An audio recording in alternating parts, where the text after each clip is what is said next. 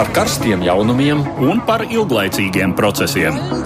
Par idejām, par cilvēkiem, par naudu un par laiku. Par abām mūsu planētas puslodēm, un lietojot abas smadzeņu puslodes.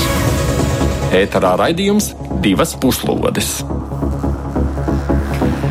Edvards Liniņš, Naits Tomsons saka jums labdien! Tātad tiekamies ikdienas raidījumā divas puslodes, tad, kad runājam par interesanto, kas notiek pasaulē. Nu, mums ierasti ir vairāk temati izvērsti plašāk, un tad dažas ziņas īsumā. Kas tad šodien būs mūsu uzmanības lokā? Igaunijā aktīvi tiek veidota nākamā valdības koalīcija. Vēlēšanas ir beigušās, un tajās uzvarējusi līdzšinējā opozīcijas partija Reformu partija. Tomēr kas būs viņu koalīcijas partneri, tas vēl ir jautājums. Pārunāsim to, kas sagaidāms kaimiņu valsts politikā nākamajos gados. Pasaules mediji lielu uzmanību ir pievērsuši Francijas prezidenta Emmanuela Makrona publicētajām pārdomām, kādai jābūt Eiropas politikai, nu, tad, tad pēc arī Eiropas parlamenta vēlēšanām maijā, kādas secinājumus varam izdarīt pēc šīs Makrona uzrunas? Un vēl šodien dzirdēsiet ierakstu, kuru mūsu producente Ieva Zeiza vakar pārveda no Briseles. Rīt ir 8. marts, un pasaulē to atzīmē kā Startautisko sieviešu dienu. Studijā bez mums ir vēl divi žurnālisti, Anna Udre un Gins Amoliņš, Latvijas raidījuma ziņdienas. Sveiks jums abiem! Labdien! Sveiki, labdien. Jā, jā. Labdien! Uh, nu, viņi tā tad ir gatavi runāt par šiem tematiem plašāk, bet mēs sākam raidījumu kā parasti ar dažām ziņām īsumā.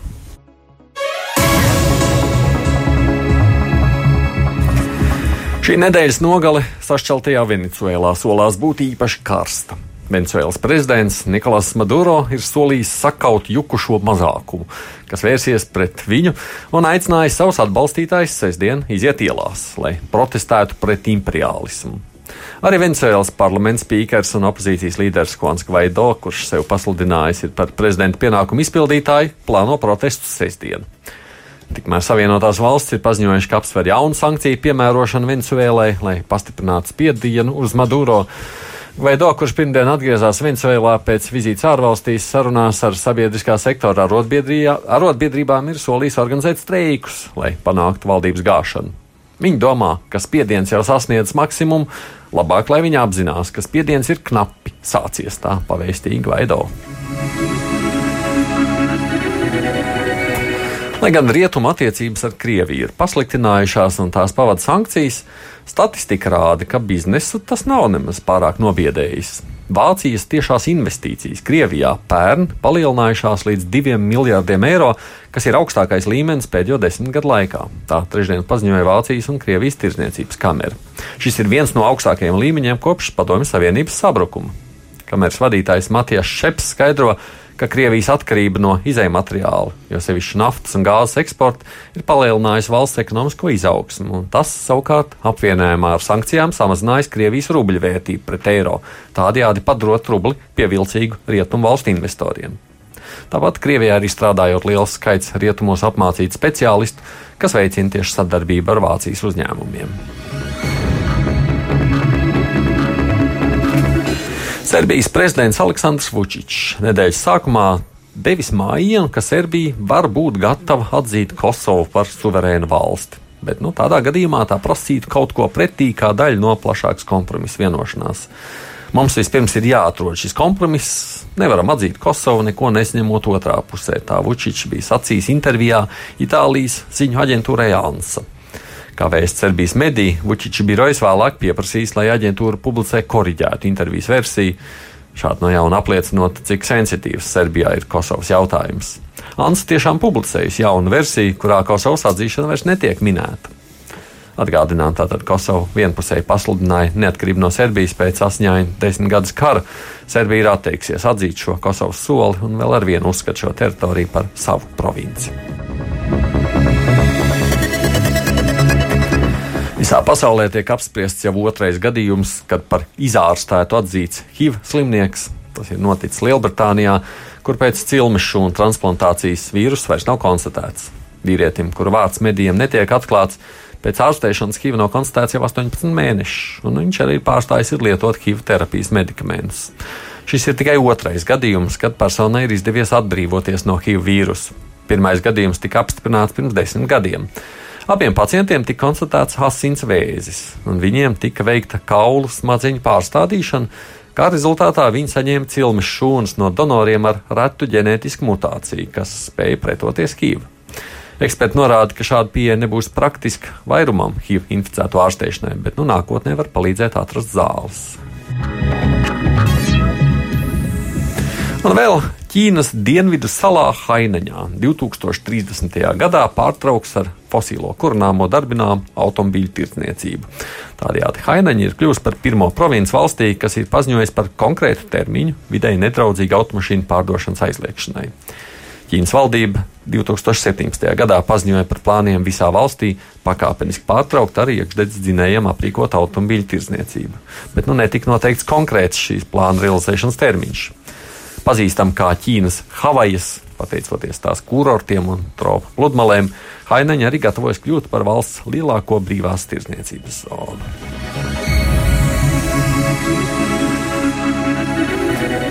Bet nu pievēršamies tagad sākumā minētajiem tematiem un vispirms turpinām par mūsu tuvākajiem kaimiņiem, Igauniem. Svētdien notikušo Igaunijas parlamenta vēlēšanu rezultātu visumā apstiprināja priekšvēlēšana kampaņas laikā prognozēto. Neliels pārsteigums ir līdz šim opozīcijā bijušās reformu partijas labie rezultāti, palielinot savu frakciju no 30 līdz 34 mandātiem. Savukārt lielākais līdzinājās valdības spēks centra partija startējusi vājāk nekā prognozēts, zaudējusi vienu mandātu un palikusi otrā ar 26 vietām parlamentā. Tomēr līdzinājās valdības liktenim būtiskāks ir divu mazāko koalīcijas partiju, sociāldemokrātu un labējās apvienības tēvzeme visai bēdīgais rezultāts, kas laupījis koalīcijai vairākumu. Lielākais vēlēšana ieguvējs ir konservatīvā tautas partija, kura savu mandātu skaitu palielinājusi no 7 līdz 19. Ir gan maz ticams, ka ar šo labēju populistisko spēku kāda no partijām būs gatava sadarboties valdībā. Daudz ticamāk šķiet atgriešanās pie koalīcijas sastāva, kāds tas bija līdz 2016. gada nogalē, kad abi mazākie koalīcijas partneri, sociāldemokrāti un tēvzemieši, uzteica sadarbību reformu partijai, izveidojot valdību ar līdz tam opozicionāro centra partiju. Nevar izslēgt arī abu lielāko partiju partiju reformistu un centristu iesaistīšanos koalīcijā, kas gan pēdējo reizi notika pagājušās desmitgades pirmajā pusē.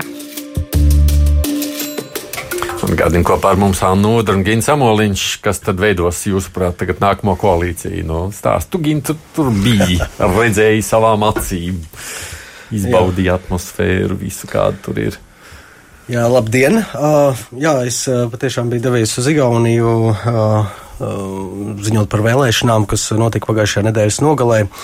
Uh, un, nu, izskatās, uh, šobrīd koalīcijas sarunas no reformu partijas puses, kas uzvarēja vēlēšanās, negaidīti pārliecinoši, kā jau tika minēts, un tas bija viens no nosacīt lielākajiem pārsteigumiem, ka tik ar tādu pārsvaru.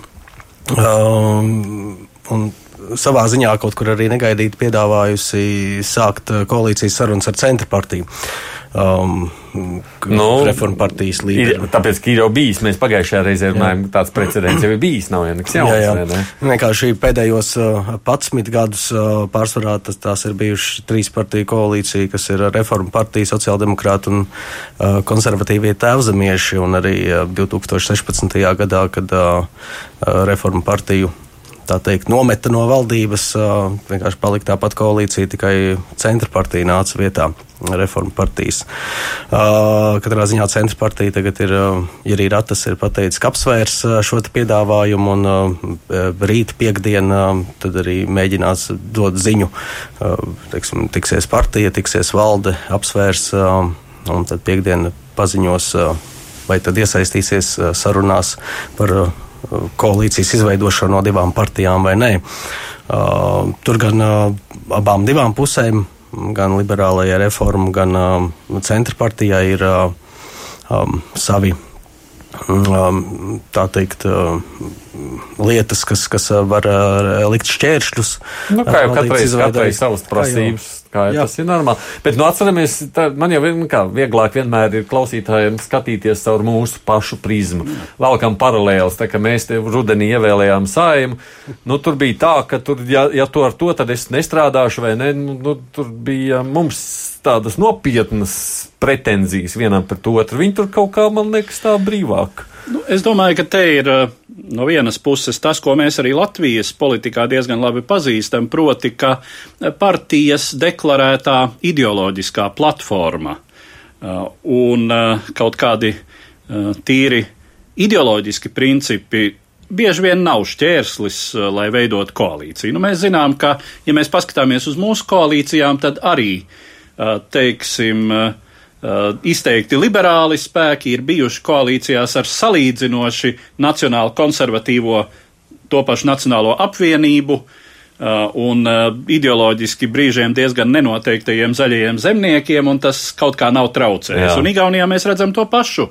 Mums ir šī liberālā reformu partija, labēji liberāla Uh, un uh, tā ir. Tas ir kaut kas attīstīts. Tā ir veidojuši vienotība mūsu. Uh, nu, visdrīzāk jau, visdrīzāk jau tomēr tuvāk vienotībai, lai gan, nu, kas to zina, nu, attīstība par apmēram jau arī tai pašā spektra sektorā no, vien ir. Ekonomisks un sociāls savienojums droši vien. Jā, um, nu, teiksim, uh, no otras puses viņi ir veidojuši ilgstoši valdības, kurās bez viņiem ir bijuši sociāldemokrāti kas tiek uzskatīti šajā Igaunijas politiskajā spektrā par viskreisāko spēku. Mm.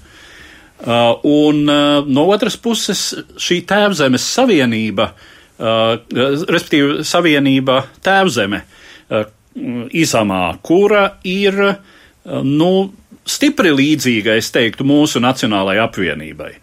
Um, varbūt šobrīd viņiem to radikālāko galu uh, elektorāta ziņā ir noņēmusi šī uh, šī jaunā konservatīvā tautas partija. Jā. Ja? Attiecīgi, bet kas arī ir atzīmēts, nu nav nekāds brīnums, ka reformu partija piedāvā piedāvā centra partijai šo koalīciju, un ka centra partija to arī at, aplūko kā ļoti iespējamu variantu, pie kam, kas ir lasāms, ka reformu partijas valde ir lēmusi par šādām koalīcijas sarunām vienbalsīgi. Tas arī par kaut ko liecina. Ja? Un šīm partijām nav ļoti izteikti tālas pozīcijas, sevišķi, ja mēs runājam par tādiem mhm. tīri politiskiem. Viņi tuvāk īstenībā. Uh, tīri, tīri politiskiem, sociāli politiskiem un ideoloģiskiem jautājumiem. Ja viena ir labēji centriska liberāla, tad otra ir, nu, teiksim, kreisi centriska, uh, tiek dēvēta par sociāli liberālu, tātad šī centra partija. Un, un jautājums ir par niansēm, vēlns kā vienmēr detaļās, un šajā gadījumā tās jutīgākās un problemātiskākās varētu būt tās detaļas, kas saistās tomēr ar centra partijas pārstāvēto Igaunijas citautiešu elektorātu, un tur ir tas jautājums par skolu valodu, kas arī mums no mūsu politikas ir diezgan zināms, jo centra partija līdz šim tomēr ir aizstāvējusi mērenāku, lēnāku un uzmanīgāku pārēju skolās uz, ap, uz mācībām tikai igauņu valodā. Mm. Nu, ļoti, mums ļoti pazīstamas, es teiktu, problēmas. Nu, Centra partija šajā ziņā būtu jābūt, nu, noteikti viņi būs uzmanīgi iesaistīties koalīcijā reformu partiju, skatoties uz nākamajām vēlēšanām, jau pēc pāris gadiem pašvaldību vēlēšanas, un tad atkal nākamās Rīga kogu vēlēšanas. Un, uh, un, teiksim, šos te skolu valodas jautājumos, mācību valodas jautājumos, ja viņi iesaistās koalīcijā ar reformistiem un, Nu, un teiksim, viņi var zaudēt, jā, viņi piekāpjas, tad var zaudēt vēl kādu daļu. Nu, tā ir tāda vienmēr matemātika, nu, kurā nevar saprast, jā, kā labāk rēķināt. Droši vien, droši vien tāpat kā mūsu izglītības sistēmas jautājumos, mm. nu, tur ir zināms brīvgājiens, zināmas mm. debašu iespējas. Uh, Un laikam nav arī neviena tik izteikta politiska spēka, kas, mm. kas varētu uzspiest uz šo etniski nacionālo momentu, ja neviens negrasās veidot koalīciju ar šo konservatīvo tautas partiju, kas nu ir tai radikāli labējā un izteikti nacionāli norūpētajā spektra daļā, mm. tad, tad varbūt, ka kompromiss visnotaļ ir iespējams. Anna, jūs prāt, kas ir tie riskantākie, jeb nu, tie tādi, nezinu, svarīgākie aspekti, ja mēs runājam par tālāko Igaunijas politiku? Mm. Es, es arī esmu priecīga dzirdēt, ka ar ekre populistisko partiju, kas ir ļoti nacionāli noskaņot un kas nepamatot ceļ trauksmi par migrāciju Igaunijā, ka ar šo partiju negrasās tomēr ne centra partija, ne reforma partija iet koalīcijā.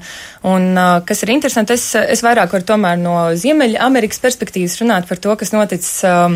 Uh, Igaunijā tādēļ, ka es gadu pavadīju ASV, kur strādāju kopā ar Igauniem, kas uh, dzīvo ASV un, un pārstāv tur uh, baltiešu intereses. Un runājot ar Igauniem no Kanādas un ASV, viņi saka, ka gan reforma partijas, gan centra partijas uh, vadošā pozīcija Igaunijā ir uh, labvēlīga.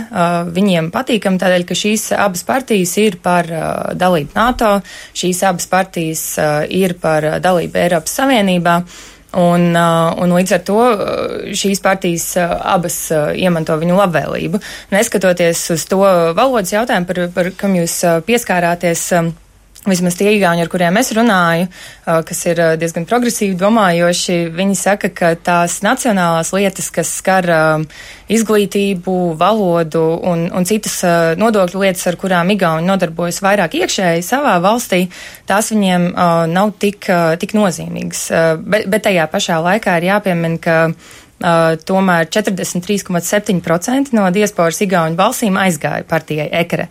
Uh, un, uh, un tas drīzāk būtu skaidrojams ar to, ka tie bija vecāka gadgājuma cilvēki, kas redzēju tos plīvojošos Igaunijas karogus, kas, kas uh, savā ziņā viņiem varbūt likās romantiski un, un neizprotot to situāciju kopumā, tad, uh, tad tāpēc viņi atdeva balsis par šo partiju. Vai arī un, otrādi viņi ir, skatās savā mītnes zemē, ka tur ir ļoti daudz migrantu. Viņam nepatīk, viņi saka, ka viņi negrib Igaunijā to pašu piedzīvot. Arī tas, tā, tas varētu arī atspoguļot viņu konservatīvo po, politiku viņu pašu mm. valstī.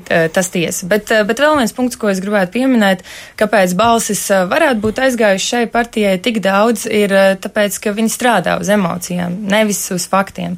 Tur nav tik daudz saistības ar realitāti, un, un mēs zinām, ka cilvēki ir emocionāli, ne visi katru dienu seko līdz dažādiem notikumiem, tāpēc šo sabiedrības daļu, kas, kas pavalkās uz tādiem populistiskiem saukļiem, ir vieglāk mobilizēt, un šis populismu uzvaras gājiens ir, ir vērojams visā Eiropā. Jā, bet nu, cik tas ir pareizi šādas pa partijas atstāt, nu tā kā, oi, mēs ar viņām nerunājam, viņas jau tikai nu, tev, šauc Jā, nu te var, te var piebilst, ka cik es esmu skatījies un runājis ar arī partiju, atsevišķu partiju līderiem Igaunijā, tāda kategoriskākā par nesadarbošanās ar rekri ir uh, liberālā reforma partija, kas uzvarēja vēlēšanās.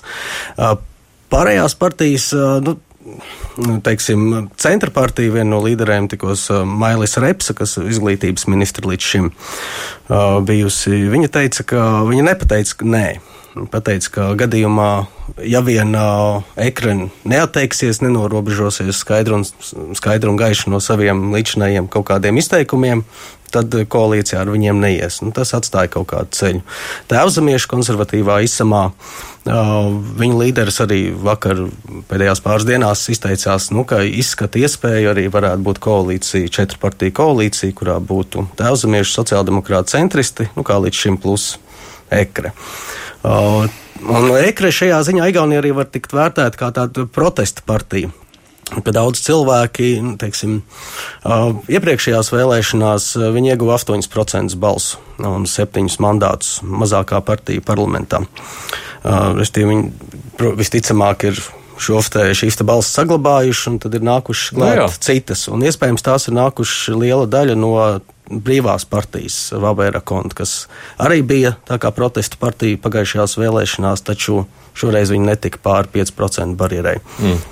Un daudz cilvēku ir, tas, protams, ekrē ir visa šī pretimigrācijas uh, retorika un uh, Igaunijas norobežošanās, vēl lielāka sadarbība ar ASV, eiroskepticisms, uh, neizslēdz aicināt uz izstāšanos no Eiropas Savienības, ja tā kļūs vairāk, teiksim, arī kā viņu vārdiem ripos federalizācijas virzienā ar vien tālāk. Taču es pieņemu, ka īpaši lauka rajonos daudzi cilvēki arī nu, neizjūt to.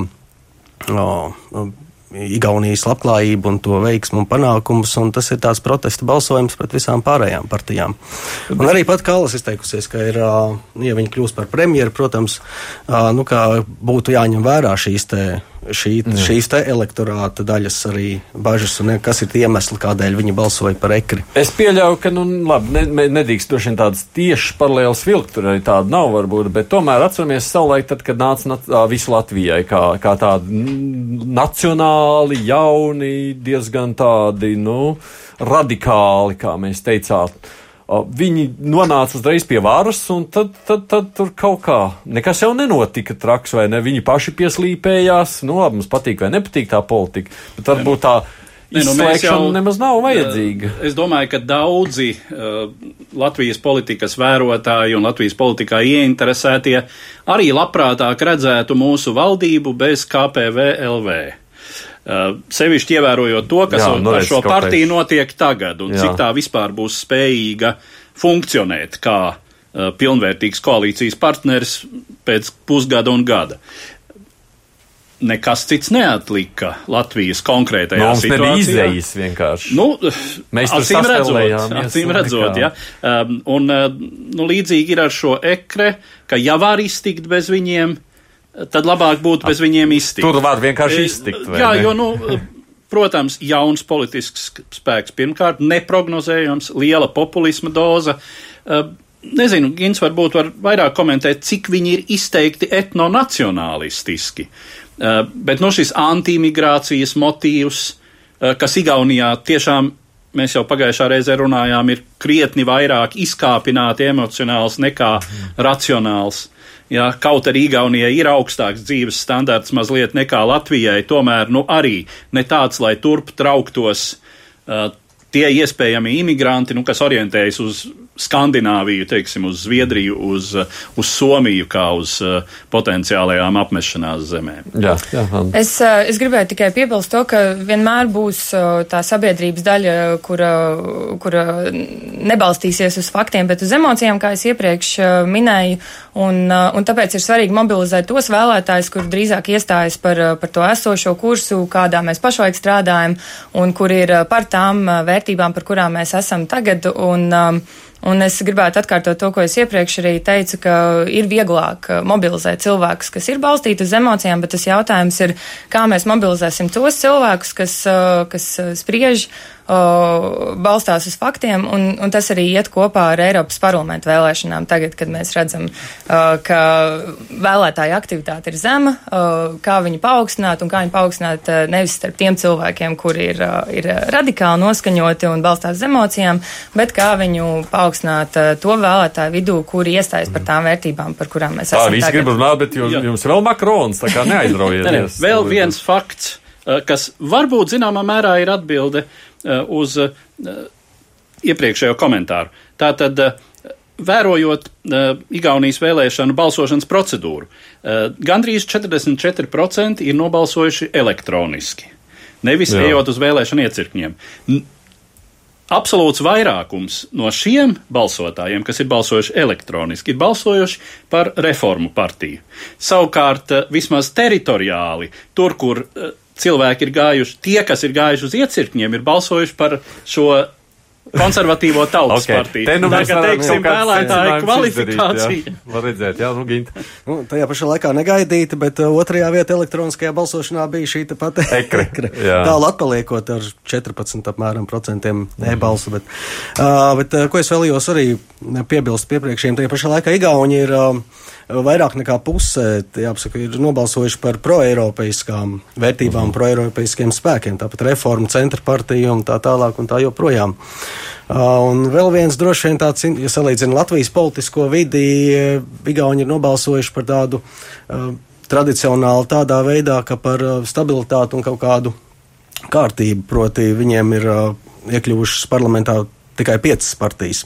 Par vienu mazāk nekā iepriekšējās vēlēšanās, un mums koalīcijā ir piecas. Un, un, un, līdz ar to ah. viņi ir izvēl, izvēl šīs tēmas tradicionālās. Nē, es, es, es iešu uz priekšu. Es zinu, ka Jā. mums patīk Igaunija, tāpēc, ka tepat kaimiņos vien esam, bet mēs jāatzīst, ka pasaules mediji, lai arī par Igauniju, protams, arī droši vien ir runājuši, un es esmu redzējis ziņas, bet, nu, šajās dienās aktīvi analizē tieši Francijas prezidenta Emanuela Makrona uzrunu Eiropiešiem, tad, nu, arī tai mēs pievēršamies. Vēl nekad kopš otrā pasaules kara Eiropa nav bijusi tik svarīga, taču nekad tā nav bijusi tādās briesmās.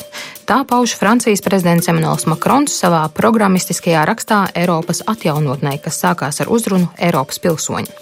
4. martā šis manifests tika vienlaicīgi publicēts vairākos lielākajos Eiropas laikrakstos, kā arī Elizejas pils tīmekļa vietnē. Tur tas ir lasāms visās oficiālajās Eiropas Savienības valodās, tā skaitā latviešu.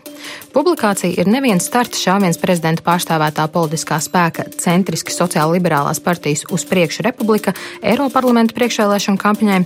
Tas ir arī vēl viens apliecinājums pašreizējā Francijas valsts vadītāja ambīcijām būt par Eiropas Savienības idejisko līderu un attīstības stratēģi. Raksts Eiropas atjaunotnē turpina motīvus, kurus prezidents Makrons pastāvīgi daudzinājis kopš savas iznākšanas Francijas un Eiropas politikas priekšplānā. Proti, Eiropas Savienība savā pašreizējā formā nav gatava mūsdienu pasaules izaicinājumiem un no spējas īstenot mērķtiecīgāku, vienotāku un izlēmīgāku politiku ir atkarīga tās turpmākā pastāvēšana. Stilā, kas neizbēgami asociējas ar hrestomātisko Francijas republikas devīzi brīvība, vienlīdzība, brālība, prezidents Makrons definē trīs Eiropas atjaunotnes pilārs pilārus - brīvība, aizsargātība un progress. Nepārāk garajā tekstā piesaukti konkrētie politiskie risinājumi, kuriem Makrona redzējumā jāiemieso piesauktā trijāde. Eiropas brīvība aizsargāšanas nolūkā dibināma demokrātijas aizsardzības aģentūra, kam jācīnās pret kiberuzbrukumiem un informatīvām manipulācijām. Nepieciešami vienoti Savienības robeža apsardzības spēki un visai Schengenas zonai vienoti patvērumu piešķiršanas nosacījumi. Jānoslēdz drošības un aizsardzības līgums, kura ietveros dalību valstis uzņemsies noteiktākas saistības kopīgās aizsardzības politikas ietveros. Vienotajai Eiropas politikai bargāk un konsekventāk jāvēršas pret uzņēmumiem, kuri neievēro ekoloģijas standartus, datu aizsardzības noteikumus vai ir negodprātīgi nodokļu maksātāji. Eiropai jāizteno vienota sociālās aizsardzības sistēma, kas nodrošinātu līdzvērtīgāku darba samaksu un minimālu atalgojumu standartu visās dalību valstīs. Jāīsteno daudz ambiciozāka vides aizsardzības politika šai nolūkā dibinot Eiropas klimata banku ekoloģisko projektu finansēšanai un Eiropas pārtikas drošības dienestu. Šo un dažu citu pasākumu uzskaitījumu noslēdz ideja vēl līdz šī gada beigām organizēt Eiropas konferenci visaptvarošu dalību valstu un savienības institūciju pārstāvju fórumu. Tas, kā pauž prezidents Makrons, noteiks visas Eiropas Savienības ceļa karte, kas šīs būtiskās prioritātes vērtīs konkrētās darbībās. Mums būs nesaskaņas, bet vai gan labāk ir sastingusi Eiropa, vai tomēr Eiropa, kas attīstās reizumus dažādos ritmos, paliekot atvērta visiem?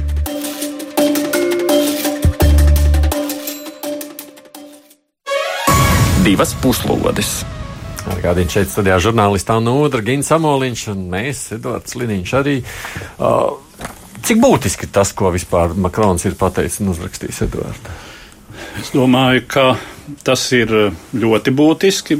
Prezidents Makrons runā par fundamentālām Eiropas Savienības attīstības problēmām, un laikam nav neviena uh, nopietna Eiropas politiķa, kurš iebilstu, ka Eiropai ir problēmas šī brīža pasaulē pielāgoties globalizācijas procesam, sevišķi pielāgoties, teiksim, tādā savā uh, iekšējā struktūrā, uh, pielāgoties, uh, respektīvi konkurēt pilnvērtīgi ar tādiem globālā tirgus spēlētājiem kā pirmkārt Savienotās valstis un Ķīna, Eiropa atpaliek no šiem diviem lielajiem milžiem pirmām kārtām inovatīvu tehnoloģiju ziņā, investīciju ziņā, um, digitālajā ekonomikā. Uh, Tātad informācijas tehnoloģijās balstītajā ekonomikā. Uh, tur, uh, teiksim, tās ir vairākas reizes, kuras, kuras eh, Eiropas investīcijas šai ziņā atpaliek no eh, Savienotajām valstīm un Ķīnas, un arī tīri ģeopolitiski Eiropa ir sajutusi. Eh, sevišķi jau nu, jā, ar savienoto valstu klātbūtni tādā kopīgā ģeopolitiskajā telpā jau sen ir aprasts. Un to, ka tur ir jāsaspēlējas, un tur varbūt jaunas nianses ienāk līdz ar prezidenta Makrona īpatnējo un brīžiem robusto politiku, tad tas, ka Ķīna parādās kā ļoti ietekmīgs spēlētājs Āfrikas tirgū un Āfrikas valstu līdz ar to ietekmē iespējams arī Āfrikas valstu politiku. Āfrika ir Eiropai tuva zona. Tas Eiropas politiķus jau ļoti nopietni uztrauc.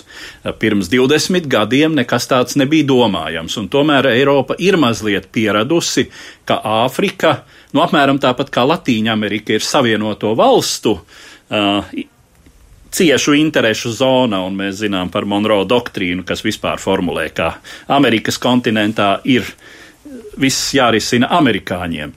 Tātad mm -hmm. nu, Eiropa mazliet līdzīgi, mazliet līdzīgi ir radusi skatīties uz Āfriku, kur ir daudzi bijušie koloniālie īpašumi, kur vēl šobrīd periodiski operē Eiropas bruņotie spēki, franču kontingenti tur ir daudzās valstīs nozīmīgi iesaistīti, um, nodrošinot kārtību, stabilitāti, risinot, uh, risinot humanitārus jautājumus, uh, humānus jautājumus, tā skaitā. Uh, un tā tālāk. Mm -hmm. Jums abiem, ja es jautātu, kas jums šķiet no tā, ko Makrons tur uzskaitīja? Nu, te arī mēs dzirdējām ievas tajā uzskaitījumā vidē, tur sociālajie jautājumi, jā, kiberdrošība, robežsardze. Kas jums šķiet tas būtiskākais jūsu skatījumā, Anna? Um. Nu jā, man liekas, ka, ka būtiskākais ir iestāšanās par, par tām Eiropas vērtībām, ko, ko Edvards Vaniņš jau arī, arī minēja. Un, uh, un tas, tas ir svarīgi arī iepriekšējo.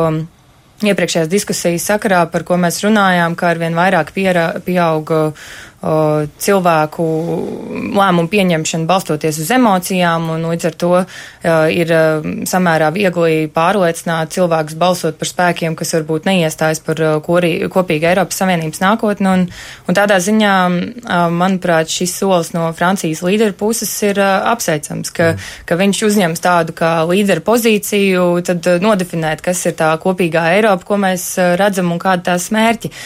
Bet tajā pašā laikā, protams, ka kā jau Emanuels Makrons ir pirms tam kritizēts par savu aroganci, es domāju, ka arī šo soli citas valstis un, arī Francijas pašas iedzīvotāji varētu redzēt kā diezgan arogantu, kur, kur viņi varbūt nevar identificēties ar, ar tiem cēlījiem ilgtermiņa mērķiem, kur, kur šobrīd viņiem ir svarīgākas ikdienas problēmas un izaicinājumi. Ko mēs, ko mēs redzam? Ambīcijas, ambīcijas. Jā, nu jā īpaši ņemot vērā, ka Uh, kanclere Merkele vairs kanclere tik drīz vairs nebūs. Jā, un, jā. Līdz ar to Makrons uh, bija līderis Eiropas. Jā, un um, uzņemties iniciatīvu, ar ko viņš, kas viņam nekad nav trūkusi. Un um, šī te, šis te raksts, šī te runā ir kaut kas eh, savā ziņā līdzīgs pirms pusotra gada, Niela, kad viņš bija stājies Francijas prezidenta amatā, viņam bija uzruna Sorbonas Universitātē Parīzē, eh, kur viņš arī zīmēja savu tādu mm -hmm. Eiropas nākotnes vīziju par to, ka Eiropa ir pārāk,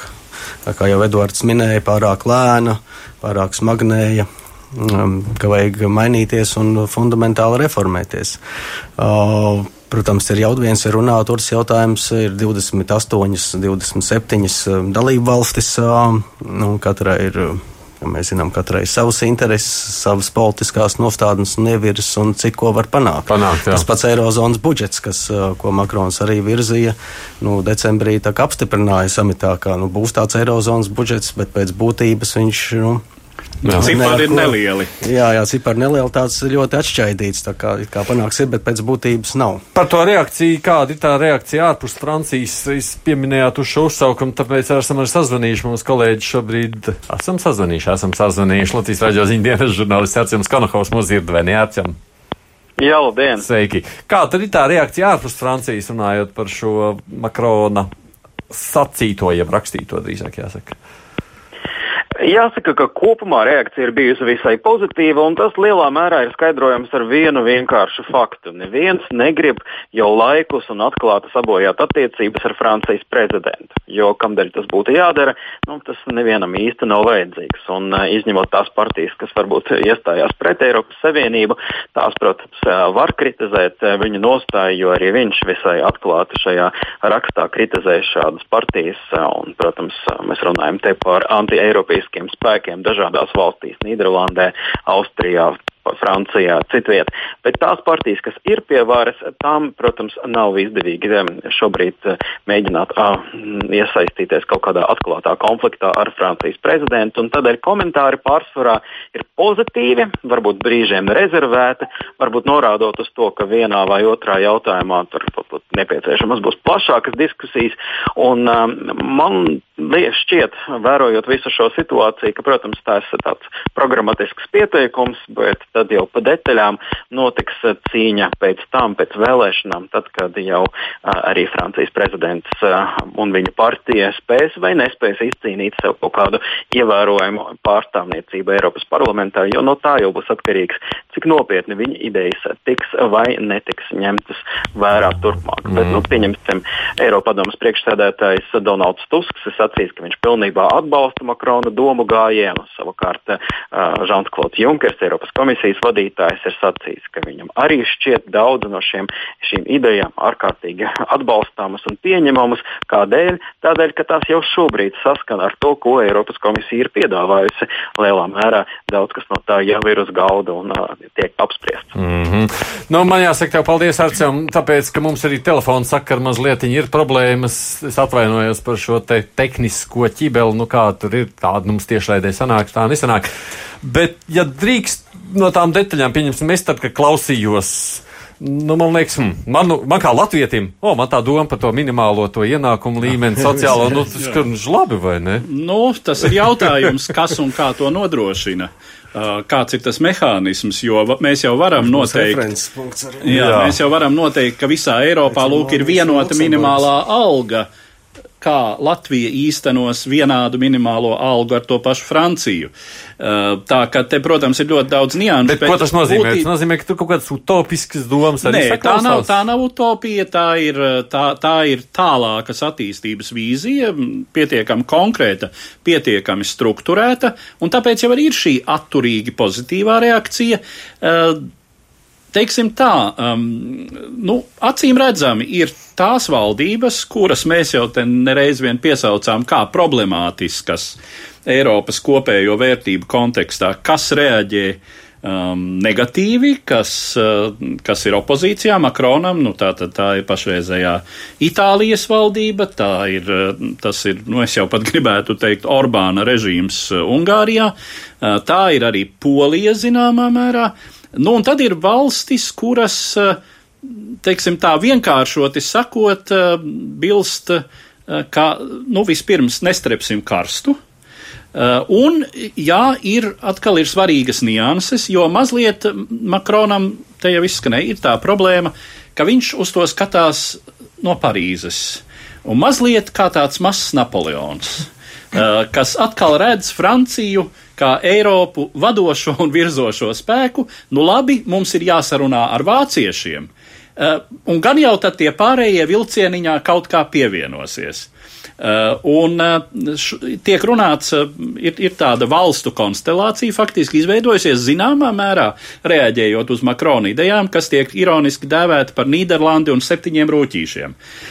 Un tā ir Nīderlande, Eh, trīs Baltijas valstis, uh, trīs uh, Eiropas, Skandināvijas, Eiropas dalību valstis, mm -hmm. respektīvi Fenoskandijas, tātad Jā. Somija, Zviedrija, Dānija un Īrija.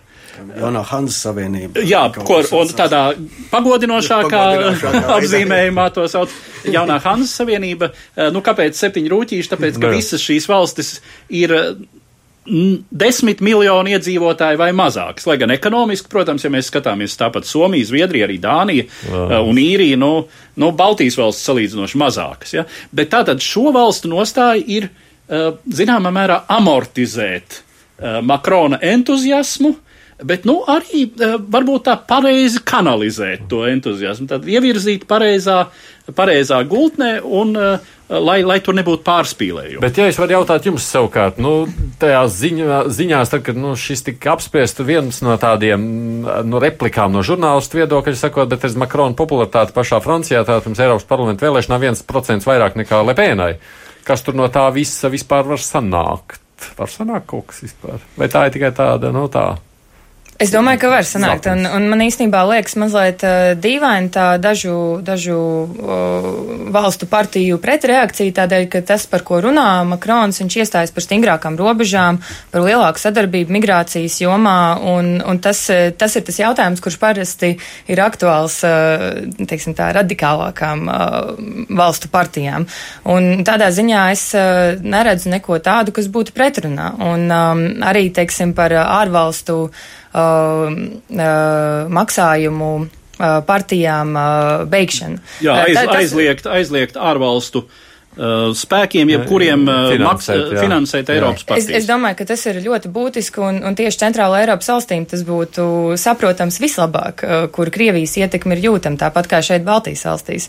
Un, ja tiktu pārtraukta finansēšana, sevišķi no Krievijas dažādām um, politiskām, politiskiem grupējumiem, es domāju, ka tas ir tikai pozitīvi. Vai mēs varētu jā, sacīt tā, ka viņš iezīmē, nu, tā kā tādu, nu, nezinu, iedod uh, projektu, viņš, par ko runā? Viņš, adresē tos pašus jautājumus, kurus savās programmās eh, izmanto eh, šie radikāli, gan eiroskeptiskie, Jā. gan nacionālistiskie spēki. Viņš mēģina izsist viņiem šos ieročus, dodot savu ļoti konsekventu programmu. Uh, ar rīcības programmu, nu tātad šeit jau ir mehānismi, par kuriem viņš runā. Arī, piemēram, īpašs Eiropas veidojums, kas pretdarbosies iespējamai dezinformācijai, kiberuzbrukumiem, līdz ar to ietekmēm. Nu, mēs par šīm Krievijas ietekmēm zinām visai daudz. Ja? Mm -hmm. Man, man, man jābeidz skatoties uz pulksteni. Es arī saprotu, jums ir vēl viens ieraksts, tā kā tik tālu jau ir skaidrs. Ir jau saprot, ka mums Eiropas parlamenta vēlēšanas ir priekšā, un lai nu kā tā tematika jau ap un pēc tam ir īpaši pēc vēlēšanām Eiropas komisijas kontekstā, es domāju, jau nekur nepazudīs. Un mēs par tiem tematiem noteikti arī runāsim nākošajās reizēs. Bet dodoties uz priekšu, es saku, mums ir vēl viens temats, tikai šoreiz tas tātad mums būs ierakstā. Mūsu producenti Ieva Zeiza šonadēļ bija devusies tādā īsā braucienā uz Briseli, nu, un no turienes viņa pārvadus ir ierakstu, kas mums būs 8. mārta noskaņās. Māja beigās mēs jau atkal dosimies pie vēlēšanu urnām, lai ievēlētu Latvijas pārstāvjus Eiropas parlamentā. Šīs vēlēšanas gan būs tikai sākums pārmaiņām Eiropas līmeņa politikā, jo rudenī tiks ievēlēta jaunā Eiropas komisija, kā arī jauns Eiropadoms priekšsēdētājs un Eiropas Savienības augstais pārstāvis ārlietās. Tā kā arī daudz viet pasaulē tiks atzīmēta Starptautiskā sieviešu diena, šoreiz uz šīm vēlēšanām paskatīsimies caur sievietes prizmu.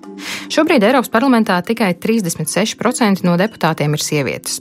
Vidēji Eiropas valstu parlamentos un valdībās 30% vietu ieņem sievietes, tātad, lai arī sieviešu Eiropā ir nedaudz vairāk nekā vīriešu, politikā joprojām ir liela plaisa, ja skatāmies uz sieviešu pārstāvniecību. Iemesli tam ir dažādi. Sākot ar lēmumu par iešanu politikā pieņemšanu un attiecīgi apkārtējo attieksmi, gan mediju attieksmi, atlasot kandidātus debatēm, gan arī attieksmi partijās, cik augstā vietā sarakstā sievietes nokļūst. Kāpēc sievietes mazāk izvēlas iet politikā, skaidro Eiropas dzimuma līdztiesības institūta vadītāja Virgīnija Langbaka. That was some time ago before I joined AIG. I was working with some also uh, like projects where. Pirms kāda laika veiktā pētījumā sievietes sacīja, ka pat ja viņām izdotos pārliecināt viņu dzīves biedrus par došanos politikā, problēmas biežāk bija ar vecākiem, gan saviem, gan vīra. Viņa vaicā, vai tu esi gatava publiski mazgāt savu netīro veļu? Tu esi sieviete, kā būs ar mācības pienākumiem un tā tālāk. Dažas tiek tam pāri ļoti viegli, bet skaidrs, ka ģimenes atbalsts ir ļoti svarīgs un bez tā ir grūti iet politikā. Bet, ja ir infrastruktūra, bērnu dārzi, tā nav jākļūst par problēmu nevienam. Vēl viena lieta, ko parāda mūsu pētījumi, ka ģimenē ienāk bērns, vīriešu karjera attīstās, ienākumi aug, viņi strādā vairāk, jo viņi labi zina, ka māte paliks pie bērniem. Mātei ir jāupurē savas ambīcijas, un tas nav taisnīgi. Bet es varētu minēt vienu piemēru, kas man pašai ļoti patīk. Pirms kāda laika Zviedrijā bija kādas partijas vadītāja vēlēšanas, un šo amatu ieguva sieviete gaidībās, un viens no žurnālistiem vaicāja, bet kā jūs vadīsiet partiju, kad piedzims bērns? Un viņa atbildēja, vai tad bērnam nav tēva? So how, how so said, Minētais piemērs par bērnu aprūpi ir aktuāls arī Latvijā. Jautājums, kurš tad bērniņus auklēs un ko tad vīrs teica, kad pieņēma lēmumu iet politikā, kādā TV diskusijā dzirdēja vairākas saimas deputātas, arī divas tobrīd vēl topošās valdības ministras. Savukārt zeltainā presa nesen satraucās par to, kā tad bērnus tēviem atstās tās politiķis, kas cīnās par vietu Eiropas parlamentu vēlēšanās. Jautājumi, par kuriem reti kurš satraucas domājot par vīriešiem politiķiem. Turpina Zviedrijas avīzes Svenska Daglabet žurnāliste Teresa Kušlere. I come from a country where there is no maternity leave, there is parental leave. Es nāku no valsts, kur nav maternitātes atvaļinājuma, ir vecāku atvaļinājums, kur visi mani priekšnieki, sievietes un vīrieši, izmanto šo atvaļinājumu, lai gadu būtu mājās ar bērnu. Protams, arī Zviedrijā ir aktuāls jautājums par līdzsvaru starp darbu un laiku ar ģimeni, bet šīs diskusijas nav fokusētas uz sievietēm, bet gan uz visiem. Dažreiz, kad es šeit Briselē dzirdu šīs diskusijas, un ja es esmu mazliet dusmīga, es gribu piecelties un kliegt, vai jūsu valstīs neviena vīrieša nav? Vai jūsu valstīs sievietes dodas uz spermas bankām, lai ieņemtu bērnus? Jo, acīm redzot, jūsu valstīs nav vīriešu, nav tēvu. Kad pieņems lēmums iet politikā un kandidēt vēlēšanās, būtisks ir jautājums par vietu kandidātu sarakstā. Piemēram, pagājušās saimnes vēlēšanās tikai nepilni 32% kandidātu bija sievietes, bet no 81 numuriem 26 sievietes. Kā premjera amata kandidātu neviena no partijām nevirzīja sievieti. Kā viens no risinājumiem, lai uzlabotu sieviešu pārstāvniecību politikā, tiek piesauktas kvotas. Šobrīd dažāda veida kvotu sistēma ieviesta deviņās Eiropas Savienības valstīs - Itālijā, Horvātijā, Beļģijā, Īrijā, Grieķijā, Francijā, Spānijā, Polijā, Portugālē un Slovākijā. Astoņās no šīm valstīm ir uzlabojies dzimuma balanss politikā. Izņēmums ir Horvātija, kur, lai izpildītu noteiktās kvotas, sievietes tika uzrunātas un bija sarakstos, taču pašā sarakstu beigās. Kvotu sistēmas var būt dažādas. Tās var pieprasīt konkrētu procentu sieviešu sarakstos vai paritāti, proti, ka sarakstam arī jābūt sakārtotam - sieviete, vīrietis, sieviete un tā tālāk. Eiropas dzimuma līdztiesības institūta vadītāja Virgīnija Langbaka sievietēm politikā veltītā seminārā skaidroja kvotu sistēmas ieguvumus. Quota, as we say, it is a kind of interim solution. Mēs kvotas saucam par pagaidu risinājumu. Tās piespiež partiju līderus, jeb kā mēs to saucam, vārdsargus, domāt. Tas piespiež lēmumu pieņēmējus meklēt kandidātus un uzdot sev jautājumu Mums ir kritēriji sievietēm, lai viņas ieņemtu konkrētus amatus, bet vai mums ir tādi paši kritēriji vīriešiem, kad viņiem tiek piedāvāts ieņemt šos amatus? Uzsākot diskusijas par kvotām un sākot rakties dziļāk, var sākt saprast, kāpēc sievietes pat tad, kad viņas uzrunā, nolēma nekandidēt vēlēšanās vai necīnīties par kādiem amatiem. Daudzos parlamentos, ne tikai Eiropas parlamentā, ir tā sauktā mačo kultūra. Tā ir arī aizskaršana, un tai nav jābūt fiziskai aizskaršanai vardarbības formā. Bet cik daudzas sievietes parlamentos runā par to, kā tiek aizskarta viņu cieņa, kā netiek respektēta viņu kompetence. Un tad, kad mēs runājam par kvotām, mums nākas domāt arī par to, kā ir jāmaina darba kultūra parlamentos vai jebkurā citā vietā in the parliament or anywhere else has to change. Atgriežoties pie Eiropas līmeņa politikas, jāpiemina, kā šobrīd izskatās dzimuma līdzsvars Eiropas Savienības augstākajā līmenī. Eiropas parlamenta prezidents Antonio Tajāni, Eiropas padomas prezidents Donalds Tusks, Eiropas komisijas prezidents Žans Klots Junkers. No sešiem Eiropas komisijas viceprezidentiem tikai viena ir sieviete - Federika Mogherīnī, Eiropas Savienības augstā pārstāvā ārlietās. Viņa ir vienīgā sieviete šajā sarakstā. Jāpiebilst, ka sieviete Eiropas parlamenta prezidents amatā pēdējo reizi bija laikā, kad Latvija vēl nebija pievienojusies Eiropas Savienībai, bet Eiropas komisiju vēl nekad nav vadījusi sieviete. Kā jau minēju sižeta sākumā, šogad šiem krēsliem būs jāmeklē jauni saimnieki, un tiek uzstāts, ka vismaz vienā no šiem krēsliem ir jāsēž sievietei. Eiropas komisijas prezidenta kandidāti jau ir zināmi no gandrīz visām Eiropas parlamentā pārstāvētajām partiju grupām. Procedūra paredz, ka savu kandidātu virza tā partiju grupa, kas vēlēšanās iegūsi visvairāk balsu. Un jāpiebilst, ka Eiropas parlaments arī apņēmies nebalsot par kandidātu, kas nebūtu iepriekš virzīts. Šī brīža prognozes liecina, ka arī nākamajā sasaukumā Eiropas Tautas partija, lai arī zaudēs daudz vietas, joprojām būs lielākā partija grupa. Eiropas Tautas partija kā savu kandidātu jau nosaukusi partijas priekšsēdētāju Manfredu Weberu. Otra lielākā partija grupa, Eiropas Socialistu partija, nominējusi Eirokomisāru Francu Timermanu. No mazākām partiju grupām ir nominētas sievietes, taču viņu izredzes ir ļoti mazas. Protams, joprojām ir daudz laika līdz vēlēšanām, prognozes vēl var mainīties. Turklāt šobrīd arī vēl nav skaidrs, vai Briti tiešām pametīs Eiropas Savienību pirms jaunā Eiropas parlamenta sasaukuma, un tātad vai vietu skaits Eiropas parlamentā samazināsies. Vai ir iespēja, ka šogad redzēsim sievieti Eiropas komisijas prezidenta amatā, prognozē Zviedru žurnāliste Teresa Kušlere.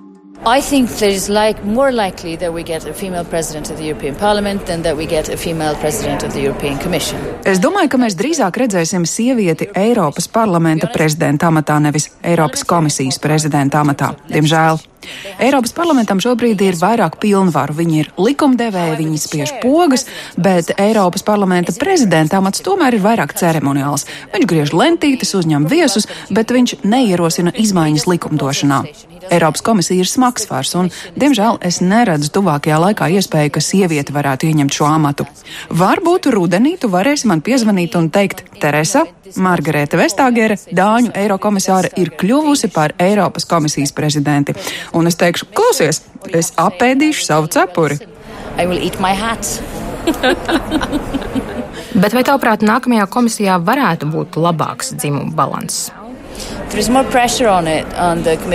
Ir lielāks spiediens uz to. Kad Junkers veidoja savu komandu, viņš aktīvi runāja ar dalībvalstīm, lai tās sūtītu komisāru amatiem sievietes. Bet problēma ir tajā, ka vienmēr var piezvanīt Zviedrijai. Hei, vai jūs varētu sūtīt sievieti? Jo viņš neuzdrošinās piezvanīt Emanuēlam Makronam. Papa, pa, Makrona kungs, es nevēlos no jums redzēt kandidātu vīrieti. Makrons pateiks, ka viņš izvēlēsies, kas pārstāv Franciju. Nē, viņš zvanīs Latvijai. Zviedrijai, vai jūs varētu lūdzu sūtīt sievieti?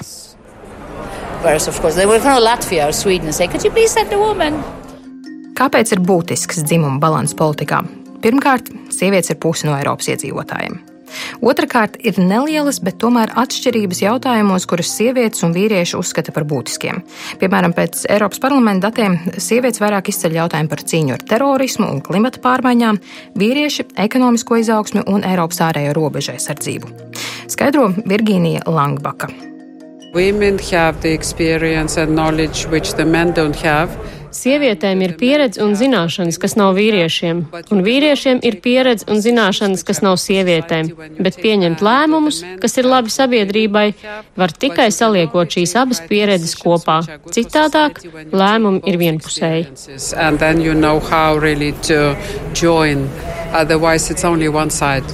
Lūk, tā šoreiz viens ieraksts ievē no Briseles, bet līdz ar to arī raidījums šodien izskan. Žurnālisti arī Anna Udra un Gins Amoliņš šeit studijā.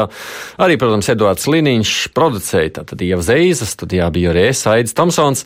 Saku uz sadzirdēšanos atkal nākamajā reizē, kad lūkosim, kas tad jauns ir noticis abās mūsu zemeslodes puslodēs. Divas puslodes!